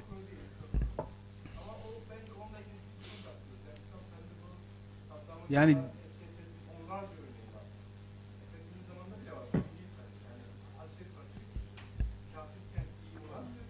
iyi olacaktır. Yani bu, bu mealde bir hadis-i şerif var biliyorsunuz. Dolayısıyla yani bugüne hasmış gibi düşünmek anlamsızdır. Moğollar döneminde ya da e, Timur Timur'un Timur'da Müslüman bir emir biliyorsunuz. Timur'un yaptığı katliamların haddi hesabı yoktur. Ya da Babür Şah'ın Afgan, Afganistan'da o bölgede yine Müslümanlara karşı yaptığı katliamların haddi hesabı yoktur ki kellelerden minare yapmıştır. Meşhurdur bu kelle minareler diye İslam tarihinde şey vardır bunun yani kavramı vardır. E, dolayısıyla e, yani bir Müslüman nasıl olur da gazla çocuk boğar sorusu bence ahlakın kaynağıyla alakalı bir sorudur. İslam'la alakalı bir soru değildir. Devletler başka bir hikayedir. Yani bu, bu bölgede bence Fakat- Hint alt kıtasıyla Yani biz Anadolu, soruyu Mezopotamya, e, şey Mezopotamya, Akdeniz kıtasının e, tektonik kıtaların arasındaki bir rekabettir bu. Bu rekabet dönem dönem azıyor. Azınca da buranın kırılma noktası işte Suriye'den başlıyor ta aşağı Akdeniz'e kadar inen Kürtlerin yaşadığı yoğunlukta bölgedir. Orası kırılıyor. Keşke nasip olsaydı da bin yıl önce oradan çıkıp Bulgaristan'a gitselerdi pırıl pırıl Kürdistan'da bir komşumuz olurdu. Ama orada yaşadılar ne yapalım? senin bile aleyhine olsa adaletten yana tavır koy diyor. Halimize bakın şimdi. Şimdi e, ben Davutoğlu'nun e, bilim sanatta bir konferansına denk gelmiştim. 2001 yıllarıydı sanırım. Israrla İslam'ın Batı'nın yaşadığı krize alternatif olduğunu anlatıyordu. Yani biz olabiliriz ancak diyordu. Şimdi bugün bakın gerçekten Batı çok ciddi bir kriz yaşıyor. Çok ciddi bir kriz yaşıyor. Yani Brexit dediğiniz şey, Trump'ın Amerika'da seçilmesi, Avrupa'daki şiddet olayları, aşırı ırkçılık, bütün bunların sebebi geçici bir şey değil. Ve küçük bir şey de değil. Çok derinlerde. Batı medeniyetinin temellerinde ciddi bir sarsıntı var. Ve daha ürkütücü soru şu. Batı medeniyeti çöktüğünde yerine hangi medeniyet yükselecek? İşte bir sürü bir sürü arkadaşımız İslam medeniyeti yükselecek diyor. Şimdi bakın e, İslam ülkelerine değil mi? İslam medeniyetinin bir yerde yaşıyor olması lazım. Hangi İslam ülkesini alırsanız alın fark etmez. Hangi İslam ülkesini örnek alabilir mesela Brexit'ten çıkmış İngiltere ekonomik olarak çok kötü durumda olan İtalya, Yunanistan çökecekler yani. Hangi İslam ülkesini örnek alır?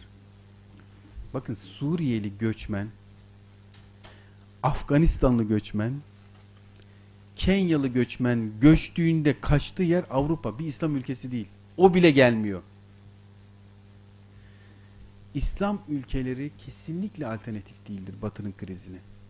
Hiç kendimizi kandırmayalım. Ama İslam'ın kendi felsefesi bir alternatiftir. Ama örneği yok. Yani aleyhine de olsa adaletten yana tavır koyun diyen bir ad- adil anlayışı uygulayan İslam ülkesi yok. Ki adamlara diyelim gel bak bu ülke nasıl bir adil ülke. Hırsızlığa, rüşvete, iltimasa, ehil olmayan insanı iş başına getirmezler bu ülkede. Çünkü ayet var. Diyebiliyor muyuz böyle bir şey? Diyemezsiniz. Diyemiyoruz yani. Örneği olmadığı için de adamlara alternatif olamıyoruz. Ben İslam'ın felsefe olarak yani düşünce olarak ve kurgusal olarak alternatif olduğuna inanıyorum da bunu niye uygulayamıyoruz? Bunu niye hayata geçiremiyoruz? Sorunumuz orada başlıyor. Evet bu yaklaşımlara itiraz olan katkısı olan var mı arkadaşlar? Pardon, pardon, pardon, pardon sırayla. Buyur, buyur. Monoloğa girmesin diye. Evet. malum işte birçok yerde Cenab-ı Allah bize akletmiyor musunuz diye soruyor. Fakat biz toplum olarak baktığımız zaman biz küçüklüğümüzden itibaren sürekli e, aile aile işinde mesela biz eleştiriyi kabul etme eden bir e, yapıda yetişmiyoruz. Kendi Türkiye Güzel. Bakın bence çözüm yollarından bir tanesi buradan başlamak yani. Yani aile içerisinde çocuğun yetişmesinden başlamak lazım demek. Beceriksiz, kafasız, yapamadın şu işi diye çocuğu azarla, azarlıyoruz yani. Çocuk İcat çıkarma. İcat çıkarma. icat çıkarma. Evet. Bana bir Avrupalı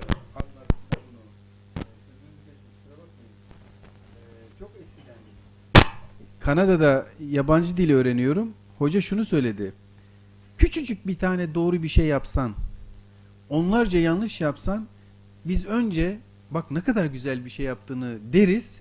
Sonra da bunları da yapabilirsin deriz. deriz. O zaman bir güven geliyordu insana. Biz de bir yanlış yapalım kafaya tahta cetvel yiyorduk değil mi? Tahta cetveller vardı o zaman. Bir de şöyle tutturuyorlardı. Demek ki mesela çözüm yollarından bir tanesi küçük çocukların aile eğitiminde özgür uf, yani zihni açık, kendine güvenli yetiştirmeye başlanmış olabilir mesela. Şimdi ikincisi biz toplumda sürekli mesela şey yapıyoruz. Çocukları daha böyle kendimize göre bir doğru bildiğimiz işte bu cemaatler için cemaat başkanı da olabilir, başka bir şey de olabilir.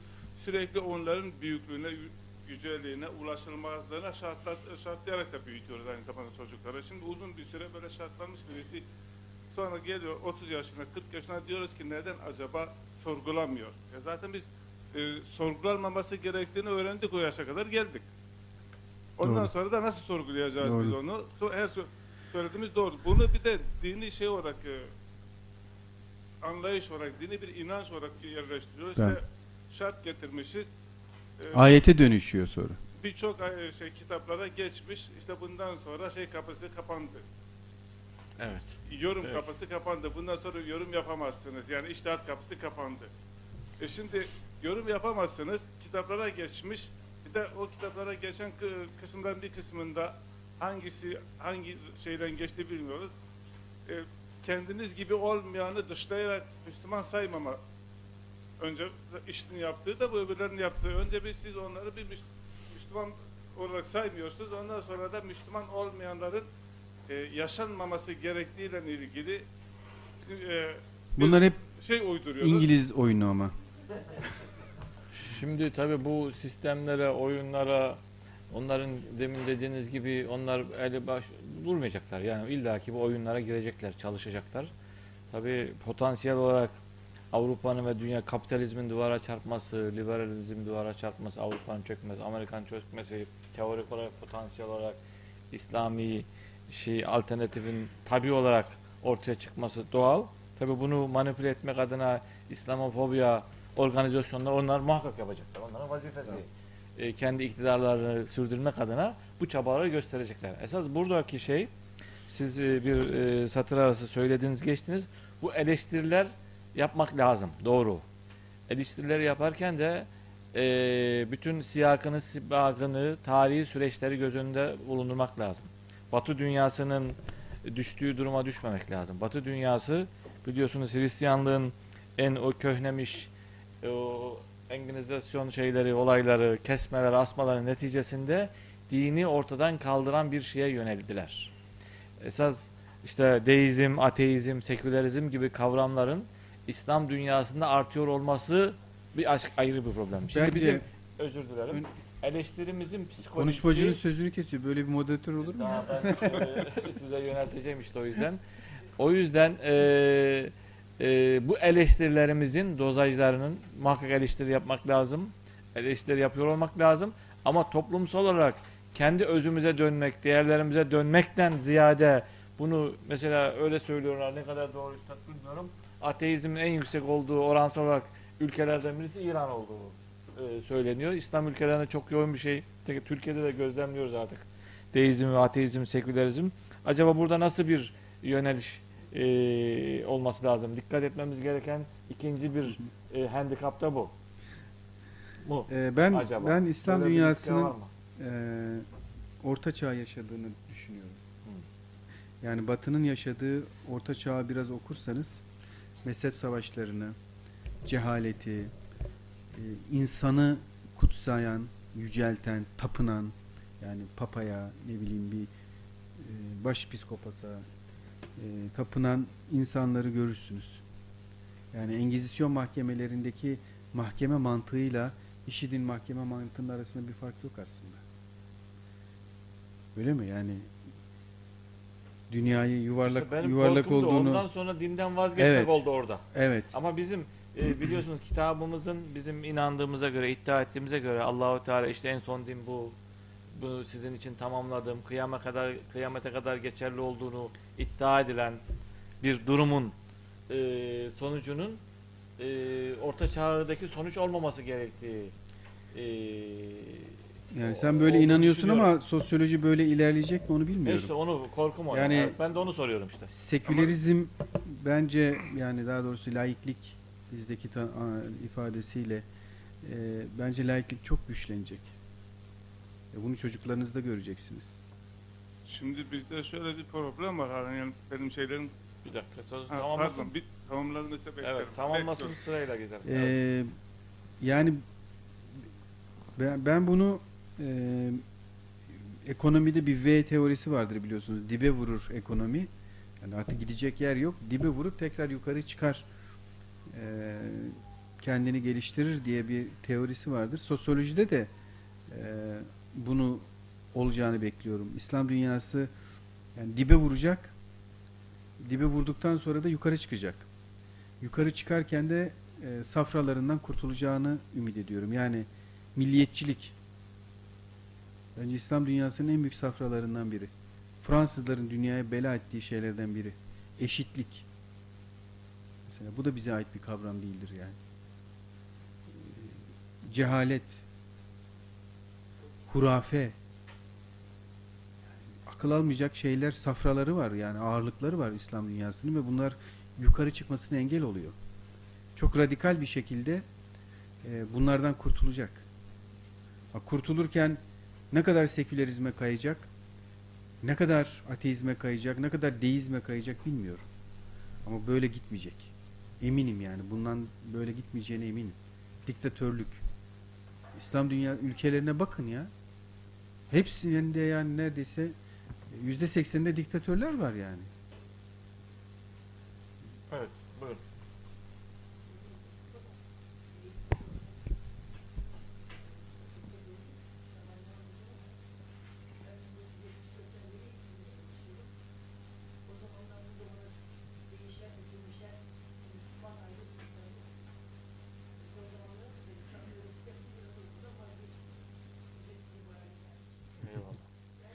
Benim ilk öğretmenim. Evet. Anaokulu öğretmenim.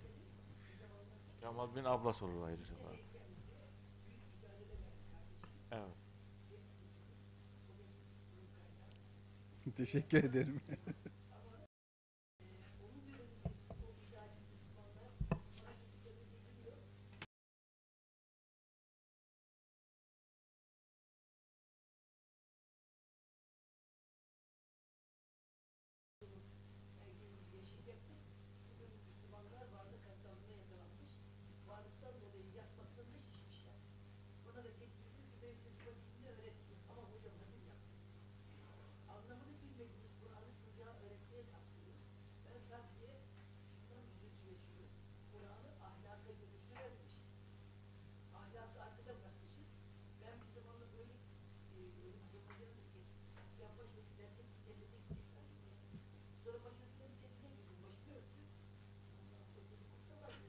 Yarısı girecekti.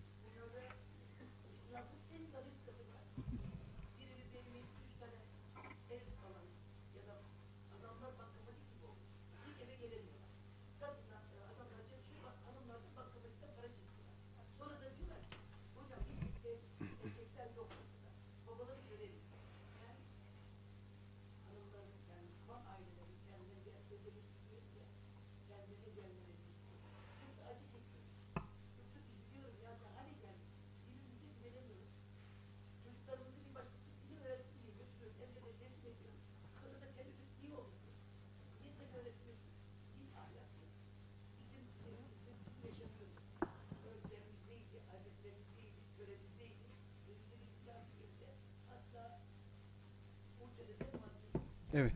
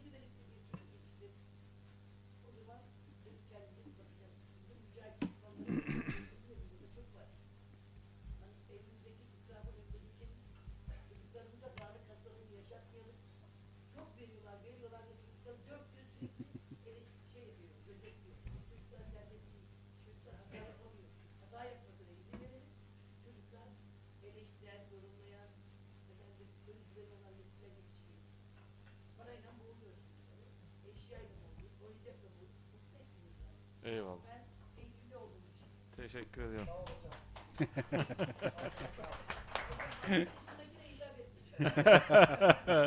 Evet. Müjdat Bey siz bir şey mi söyleyeceksiniz? Mikrofon aldınız. Buyurun. Buyurun. Teşekkür ederiz öncelikle Kemal Bey. Yalnız e, şu ana kadar e, benim dinleyebildiğim kadarıyla çok karamsar bir tablo. E, hem Evet. Sizin çizdiğiniz tablodan hem de konuşmalardan öyle bir şey çıktı. Yani fıkra bilsem fıkra anlatıp biraz rahatlatmak isterdim ortamı. Evet. E, şimdi bu bahsettiğiniz e, reform meselesi yeni bir olay değil. Yani bi- bilebildiğimiz kadarıyla 1800'lü yıllardan itibaren hatta belki daha da geriye gider. Katip Çelebi'ye kadar gidersek 1700'lere kadar gider bu durum. Ee, İslam dünyasında işte e, reform demedik, ıslahat dedik biz ona. Muslihun denildi bizim literatürümüzde. Ee, o tartışmalar geldi. Sonra da e, ıslahatın peşinden iştihat kavramı gündeme geldi. E, dolayısıyla bu e, tartışma yeni değil. Yani 200-250 yıllık bir tartışma. İslam dünyası geriledi. Teknolojik anlamda, bilimsel anlamda geriledi. Bunu nasıl çözebiliriz? Islahatla çözebiliriz. Ya da işte modernistler dediğimiz kesim reformla çözebiliriz dediler. Şimdi yani örnekleri verirken de başka e, ülkelerden mesela Japonya örneğini çok bir dönem bizim İslamcılarımız e, Sırat-ı Müstakim, Sebil Reşat gibi dergilerinde e, işlediler. E, onlar bildiğimiz kadarıyla çok ciddi bir reform yapmadılar dinlerinde. Avrupalılar yaptı, Hristiyanlar yaptı ama e, Budistler yapmadı. Rusya Rusya dediğimiz devlet benim bildiğim kadarıyla 1500 yıllardan sonra ortaya çıkan bir devlet. Çok eski bir, e, eski bir tarihi yok. Hatta hiç tarihleri yok. Yani 1480'lere kadar belki siz bahsetmiş olabilirsiniz. O kısmı kaçırdım. Moğollara vergi veren bir millet Ruslar. Evet. Yani 1500 yıllardan sonra çıkmış. Almanya e, ve İtalya'nın milli birlik dediğimiz birlikleri 1861-71 Sen soru soracaktın. Evet. yani yeni devletler yani çok eski devletler değil. Ulus olarak, millet olarak belki varlar dünya varlık aleminde. Fakat devlet olmaları çok yeni bir olay. Ee, şimdi e, siyasetçisi de, gazetecisi de, yazarı da, şairi de bu tür ortamlara geldiği zaman bütün referanslarımız dönüp dolaşıp Kur'an'a dönüyor. Halbuki ekonomik kalkınmanın, yani ben bir ilahiyatçı olarak söylüyorum bunu. Ekonomik kalkınmanın, maddi kalkınmanın, sokakların temiz olmasının, caddelerin düzenli olmasının dinle alakası olduğunu düşünmüyorum ben. Çünkü o zaman tüm e, bahsettiğimiz e, Hristiyanların ülkelerinin temiz ve düzenli olması gerekir. Ya da tüm Müslümanların caddelerin, sokakların pis olması gerekir. Böyle bir şey yok. Ya da Rusların ya da işte e, Japonların, Hinduların vesaire. Dinle alak- alakalı bir konu değil bence bu. Dolayısıyla referanslarımızı akletmiyor musunuz diyerek Kur'an'a atıfta bulunarak akletmek için dindar olmak gerekmiyor ki. Akletmek için çok iyi Müslüman da olmak gerekmiyor. Yani, Türkiye'de üstelik yani hani şey olarak rakamlara göre yüzde 90 Müslüman bir e, Müslüman olduğunu söylüyoruz. Ama Müslüman olmadığını söyleyen ve bizi işte Müslümanlıktan uzaklaştırmaya çalışan hani CHP'nin oy oranını alırsak diyelim ki yüzde 25'lik bir kitle var. Bunlar Müslümanca düşünmüyorlar, batılı gibi düşünüyorlar. Ve uzun yıllarda bunlar iktidardaydılar. Biz bir İslam ülkesiysek en azından işte 20, 1923'ten 2000'li yıllara kadar diyelim. Bu 75 yılda Almanların nasıl 45'te o yıkımdan sonra çok kısa bir dönemde 10 sene gibi zamanda kalkınmışsa, imrendiğimiz bir ülke olmuşsa, bizim 75 senede bu batı aklıyla, batıcı akılla, tanzimattan beri başlayan akılla Evet. müreffeh bir ülke olmamız gerekirdi. Dolayısıyla e, şimdi reform yapmamız der, gerekiyor derken ki 200 yıldır deniyor bu. Şu anki mevcut geleneklerimizin tamamını reddedelim demiş oluyoruz farkında olmadan. Üstü kapalı olarak. Şu ana kadar oluşmuş tüm bilgilerimizden, İslami bilgilerimizden, kültürümüzden uzaklaşalım. Çünkü bizim bu hale düşmemize sebep olan bu geçmişteki din algımız. Yani geleneğimizi tamamen yok saymayalım. Hayır ama bu bunun, bunun örtülü e, Evet. söylenmese bile örtülü Anladım. bir şey var burada. Yo yo ders çıkaralım. Ben sizin söylediğinizden onu anladım ben. Geleneğimizi tamamen sıfırlamayalım. Ben ümit varım. Evet. e, ümit varım şahsen. E, bu kadar Müslümanları e, aşağılamak doğru değil. Evet. Peki. Çünkü aynı Müslümanlar Emevi döneminde de yani beğenmediğimiz bize göre İslam tarihine göre beğenmediğimiz Emeviler döneminde üstelik Emevilerin yıkımından sonra Endülüs gibi medeniyeti inşa ettiler. Şimdi garip gariptir Ee, ki yalnız o Müs- Müslümanları aşağıladığım söylenemez. Hayır, ben aşağılamıyorum siz yaptınız demedim. Yani ben konuştuğuma kendi göre ben kendim- yapmış gibi oldum kendi yani. kendimizi aşağılamayalım dediğimiz zaman Peki. düzeltelim. Teşekkür ederim. Ee, biraz umutla bakmamız lazım hayat. Anladım. Teşekkür ederim Müjdat Hocam. Buyurun.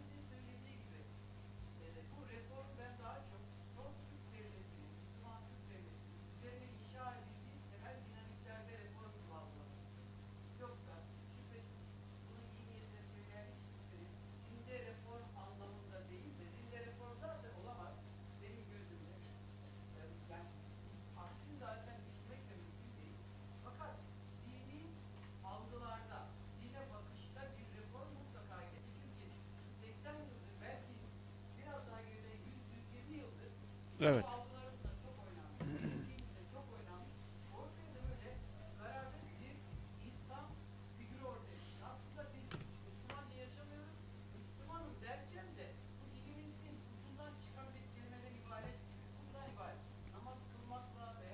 Evet.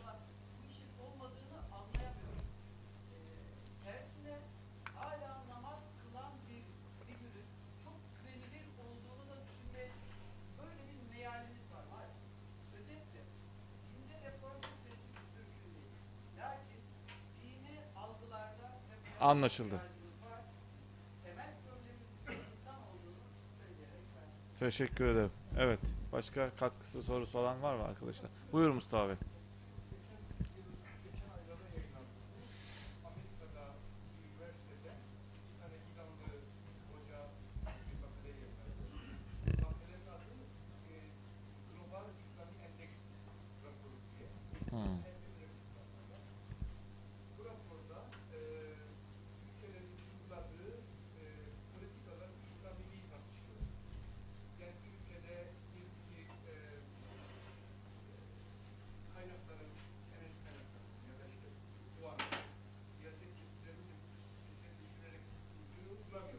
Çeşitli rasyoları şey yapmışlar. Evet. standart İslami kuralları 12 başlık halinde sıralamışlar ve bunları devletlerin nasıl uyguladığına dair bir indeks yapmışlar. Bu indekse göre de ilk 10 ülke arasında Yeni Zelanda var, Lüksemburg var mesela, İsveç var. Çok İslami ülkeler gerçekten şaka değil. Ulusla yok ama gayet İslami Tabii dediğine katkı olsun diye söyledim. Ee, çok ilginç bir endeks gerçekten. Türkiye 103. sırada, Somali 360. sırada. Ee, ilk onda hiçbir İslam ülkesi yok. Türkiye tek var. Şimdi e, hani Kemal'in bahsettiği biraz bu konu. Fakat ben yine tekrar ediyorum. Aynı arkadaşımız değil ki. Bu e, konu biraz tespiti konu bence. İnsan konusu, araçlı kaynağı konusu. Biraz bu konuları konuşmakta fayda var. Çünkü e, e, malum e, Kur'an-ı Kerim Müslümanlar- Kemal Bey bize dikkat çekti işte. Böyle problem var kardeş diyor. Bakın diyor problem. Şey, çözüveriyor. İhsan fazla olun çağırın.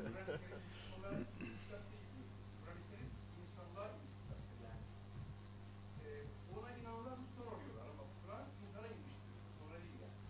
Kur'an'ın da ayrı. Ee, ve Kur'an'ın sesine göre de e, insan lütfen iyidir yani. iyi doğar. Onu güçleştiren çevresi ve içinde inşa ettiği kültürel ortamdır. Ee, dolayısıyla insana işini çözmek zor, zordur yani. Ee, Bence biraz bu süreçte bir kısımda fayda var. Yani e, mesela ben e, bazı yabancılara arkadaşlık yaptım. Hakikaten yüzleri kızarıyorum. Gerçekten yani. Böyle Bir yanlış yaptıklarında. ya, küçük basit bir gecikmede, yalanda. Hakikaten yüzü kızarma. Ben yüzü kızarmadım. Doğru. Ben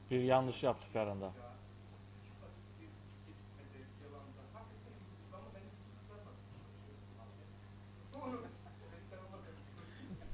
itiraf ediyorum. Evet. Peki.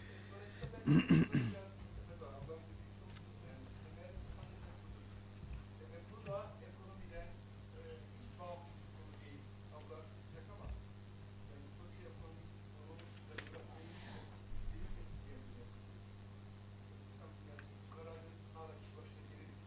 Yüzlerin altında takmayın. Şu anda o anlamda başlamadı. Daha güzel ödedi yani. E, ad- adil anlamda iki kimse dağıtılmış gelir düzeyinde hala İslam dünyası yüzlerin altında bir camiye, dünyadır yani. Bu da ister istemez a- e, muhatap olduğu algıya ilişkin taşıma koşulları her şeyi değiştiriyor. Hani Efendimizin bir hadisini düzelteceğim.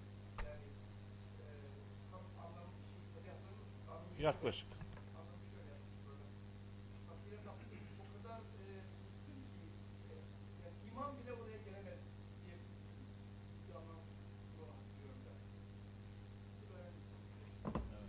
ederiz. Vaktimiz doldu. Evet, son olsun. Buyur. Bir batıda yaşamış bir insan olarak o yüzden. Uzun yıllar Avusturya'da yaşadı arkadaş. Evet, buyur.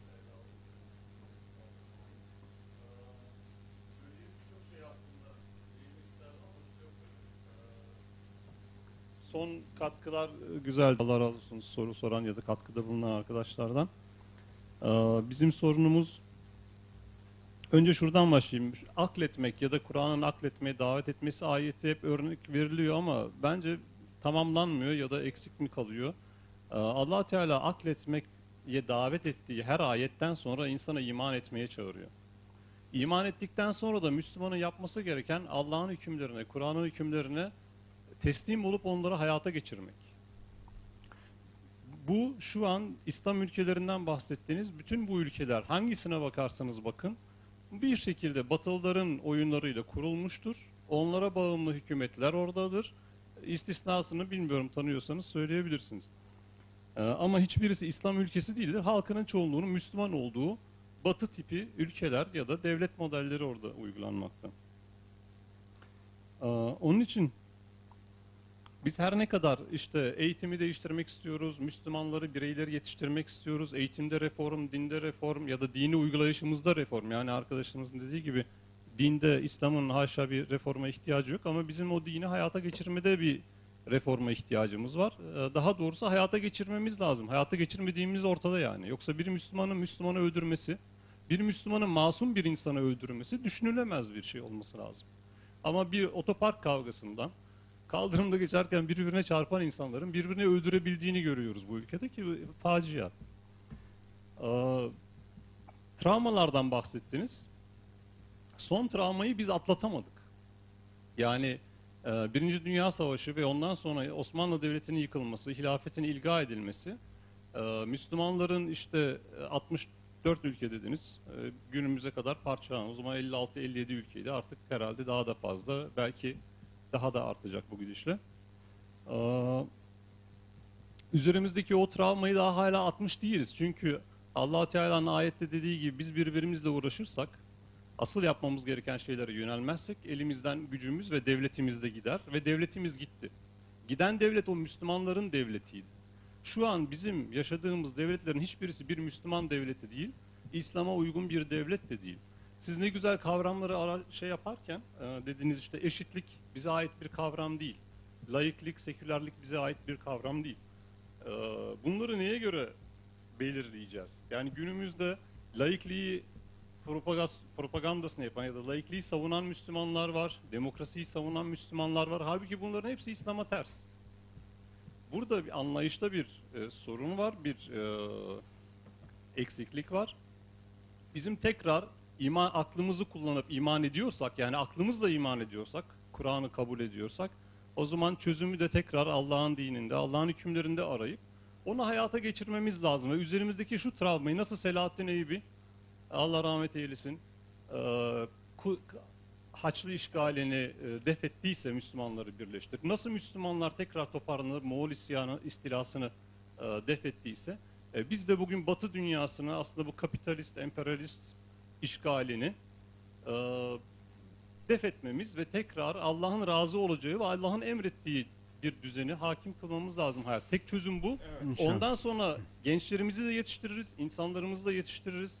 E, toplum da düzelir ve bu dini diğer insanlara da taşıyabiliriz. Ama dediğiniz gibi şu an biz ne İslam'ı gösterecek bir ortamımız var, ne bir modelimiz var, e, ne de bir örnekliğimiz var. Evet, teşekkür ederiz.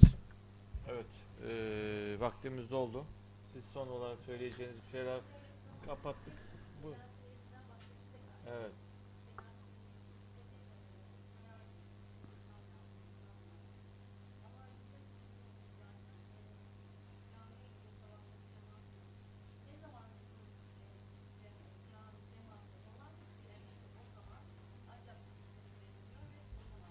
Evet. Dolayısıyla bütün şeyler e, İslam dünyasının öde, özelleştirisine önce kendi nefislerimizin özelleştirisine başlamamız lazım. Biz kendimiz Allah'ın razı olduğu dine, yaşama, çağdaş dünyanın dinamiklerini göz ardı etmeden, sosyal sorumluluklarımızı göz ardı etmeden, çevre dinamiklerimizi göz ardı etmeden kendimizi sorguluyor olmamız lazım. Kendimizi masaya koymamız lazım. Çünkü toplumlar bizlerden başlıyor. Benden, senden, ondan başlıyor. Dolayısıyla ben, sen, o, şu, bu sağlıklı bir şekilde Allahu Teala'ya yönelirsek, dünya e, e, mevcut çağdaş dinamiklere saygı gösterirsek, onları göz ardı etmezsek e, yollarımız açılacağı zannındayım. Esas ben Üstad e, şekilsel olarak e, orta çağ dinamiklerini yaşıyoruz doğru ama biz orta çağ dinamiklerinin sonuçlarına şey değiliz. E, mahkum değiliz ve razı değiliz. Mahkum olmadığımız, razı olmadığımız da Allahu Teala eğer e, kendine yönelen insanların yollarını açacağını ve dinin korumasının kendinde olduğunu, bizden kaynaklı olmadığı vaadi bana bu ümidi veriyor. Müjdat Bey'e o manada katılıyorum. Biz çünkü geçmişte çok e, bir de bizim sorumluluğumuz kişisel sorumluluğumuz var. Cennete, cehenneme sadece ben gideceğim.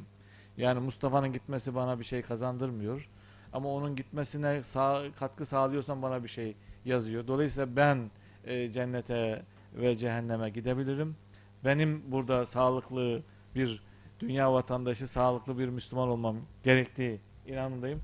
Dolayısıyla orta çağı yaşıyor olmamızı, yaşattırıyor olması ve sonuçlarından da biz aynı mahkumiyete e, mahkum etmeleri çabası var. Ama bizler, sen ben, o şu bu, bu mavera çabası, sizlerin bu konuda çaba göstermeniz, arkadaşlarımız bu çaba göstermesi inşallah Allah yolumuzu dün açtığı gibi yarın da açacak. Yeter ki biz kendimize gelelim. E, Üçüncü şahısların doğrularını ve yanlışlarını bayraklaştırmak yerine kendi doğrularımızı ve yanlışlıklarımızı göz önünde tutmamız gerektiği düşüncesindeyim. Evet, ahir kelam. Efendim her şeyi söylediniz bana bir şey kalmadı. Estağfurullah. Sizden cesaret aldık. Ee, ben öz eleştiriden e, korkmaktan yana değilim. Ee, bizim e, 80'li yıllardaki dergilerimiz, toplantılarımız, rutubetli öğrenci evlerindeki fikir jimnastiklerimiz, ee, Sakarya'da, Nişkoz'daki evlerde ee, çok cesurdu. Yani çok cesur şeyler konuşuyorduk. Çok büyük hayaller kuruyorduk. Ee, bence onları kaybettik yani. Tuhaf bir şekilde yani. Cesurca tartışamıyoruz, konuşamıyoruz yani. Reform yapamazsın. Ya ne demek reform yapamazsın yani? Olmaz reform yani. Yani reform yani reformu konuşamıyoruz. Biz e, yani neleri tartıştık, neleri e, hayal ettik, neler planladık yani öğrencilik yıllarımızda. Şimdi halimize bakın. Yani eleştiri yazısı yazan insanlar işinden oluyor. Cemaatlerden atılıyor, gruplardan dışlanıyor. Öyle mi? Yani bu, bu kendine güvenmemenin işaretidir. Kendine güvenen insan eleştiriden korkmaz. Öz eleştiriden hiç korkmaz yani. Ben Müslümanların bir özgüven kaybını yaşadığını düşünüyorum. Müslüman dünyasının Doğru. bir özgüven sorunu var. Meydan okuyorduk bundan 15 sene önce, 20 sene önce. Dünyaya meydan okuyorduk. Yani kapitalizme, sosyalizme, emperyalizme meydan okuyorduk. Şimdi cesaretsiz bir haldeyiz yani. O, onu kırmanın yolları da böyle toplantılardan geçer. Böyle e, ortamlardan geçer yani. Bir araya geldiğinde cesurca konuşabilmek, eleştirmek, yanlışını bulmak. Böyle böyle başlar. Böyle başlamıştık yani. Böyle başlamıştık ve dünyaya yani beşten büyüktür lafı oraya Birleşmiş Milletler'e kadar gitmiş oldu. Öyle mi? Orada başladı yani. Öğrenci evinde başladı. İşte Sakarya'da, Nişkoz, işte Fatih'te, e, Malta'da, Sural. duvar dibinde. Duvar yani dibi. Orada başladı bu işler. Şimdi yeniden bir bir şey çıkış olacaksa yine oralardan başlar. Böyle gazete köşelerinde olmaz yani. Çok teşekkür ederim Evet. geldiğiniz için, dinlediğiniz için, soru sorduğunuz için, katkı Çok sağladığınız için. Çok teşekkür İnşallah ediyoruz. faydası olur. Allah razı olsun. Ee, şeref verdiniz, istifade ettik, bizi uyardınız. Soru işaretleri oluşturdunuz. Her birimiz bunları iş dünyamızda değerlendireceğiz inşallah. Bu çerçevede salı günü bayanlara yönelik bir organizasyonumuz var. Sohbetin başında ilan ettim, tekrar ediyorum. Belkıs İbrahim Hakkıoğlu hanımefendi misafir olacak. Kudüs bizim nemiz olur? Ee, başlığında salı günü akşam bayanlara yönelik. Moderatör Zeynep Türkoğlu hanımefendi olacak. Çarşamba günü de 27 Eylül Çarşamba günü Profesör Doktor Mustafa Özel Bey misafirimiz olacak. O da cemaatler bizim neyimiz olur diyecek. Haftaya bugün de Mevlana İdris biliyorsun çocuk edebiyatında e, bildiğimiz arkadaşımız çocuklarda dijital zehirlenme konusunu işleyecek. Bu konuya çocukların ailelerin beraber gelmesine fayda olduğunu. Saatlerini söyle. 19.30 hepsi saatleri. Ama bu saati namazdan sonra oluyor zaten. 9 e, 7'de okunu yazan artık. Ee, biz namazdan sonra 19.30 yazıyorlar ki 8'de başlıyor. Evet. e, Sonra Almanlar dakik diye onlarla gurur duyuyor. Ee, biz prensip olarak dakikasında başlıyoruz. Namaz çakışırsa geciktiriyoruz. Ee, ama illa 8 olsun diye bir genel bir şey varsa aslında o tartışılıyor. Yani öyle bir şey var yani. 19.30 ma yok namaz engel değil artık 19.30'a. Evet çakışmıyor. Peki çok teşekkür ediyoruz. Velhamdülillahi Rabbil Alemin. El Fatiha. Bu arada Kemal Bey'e de böyle bir e, küçük bir günün anısına bir plaket vermek istiyoruz üstadım. Almansak hakkımız var mı? Mustafa Bey sen de böyle davet edelim lütfen.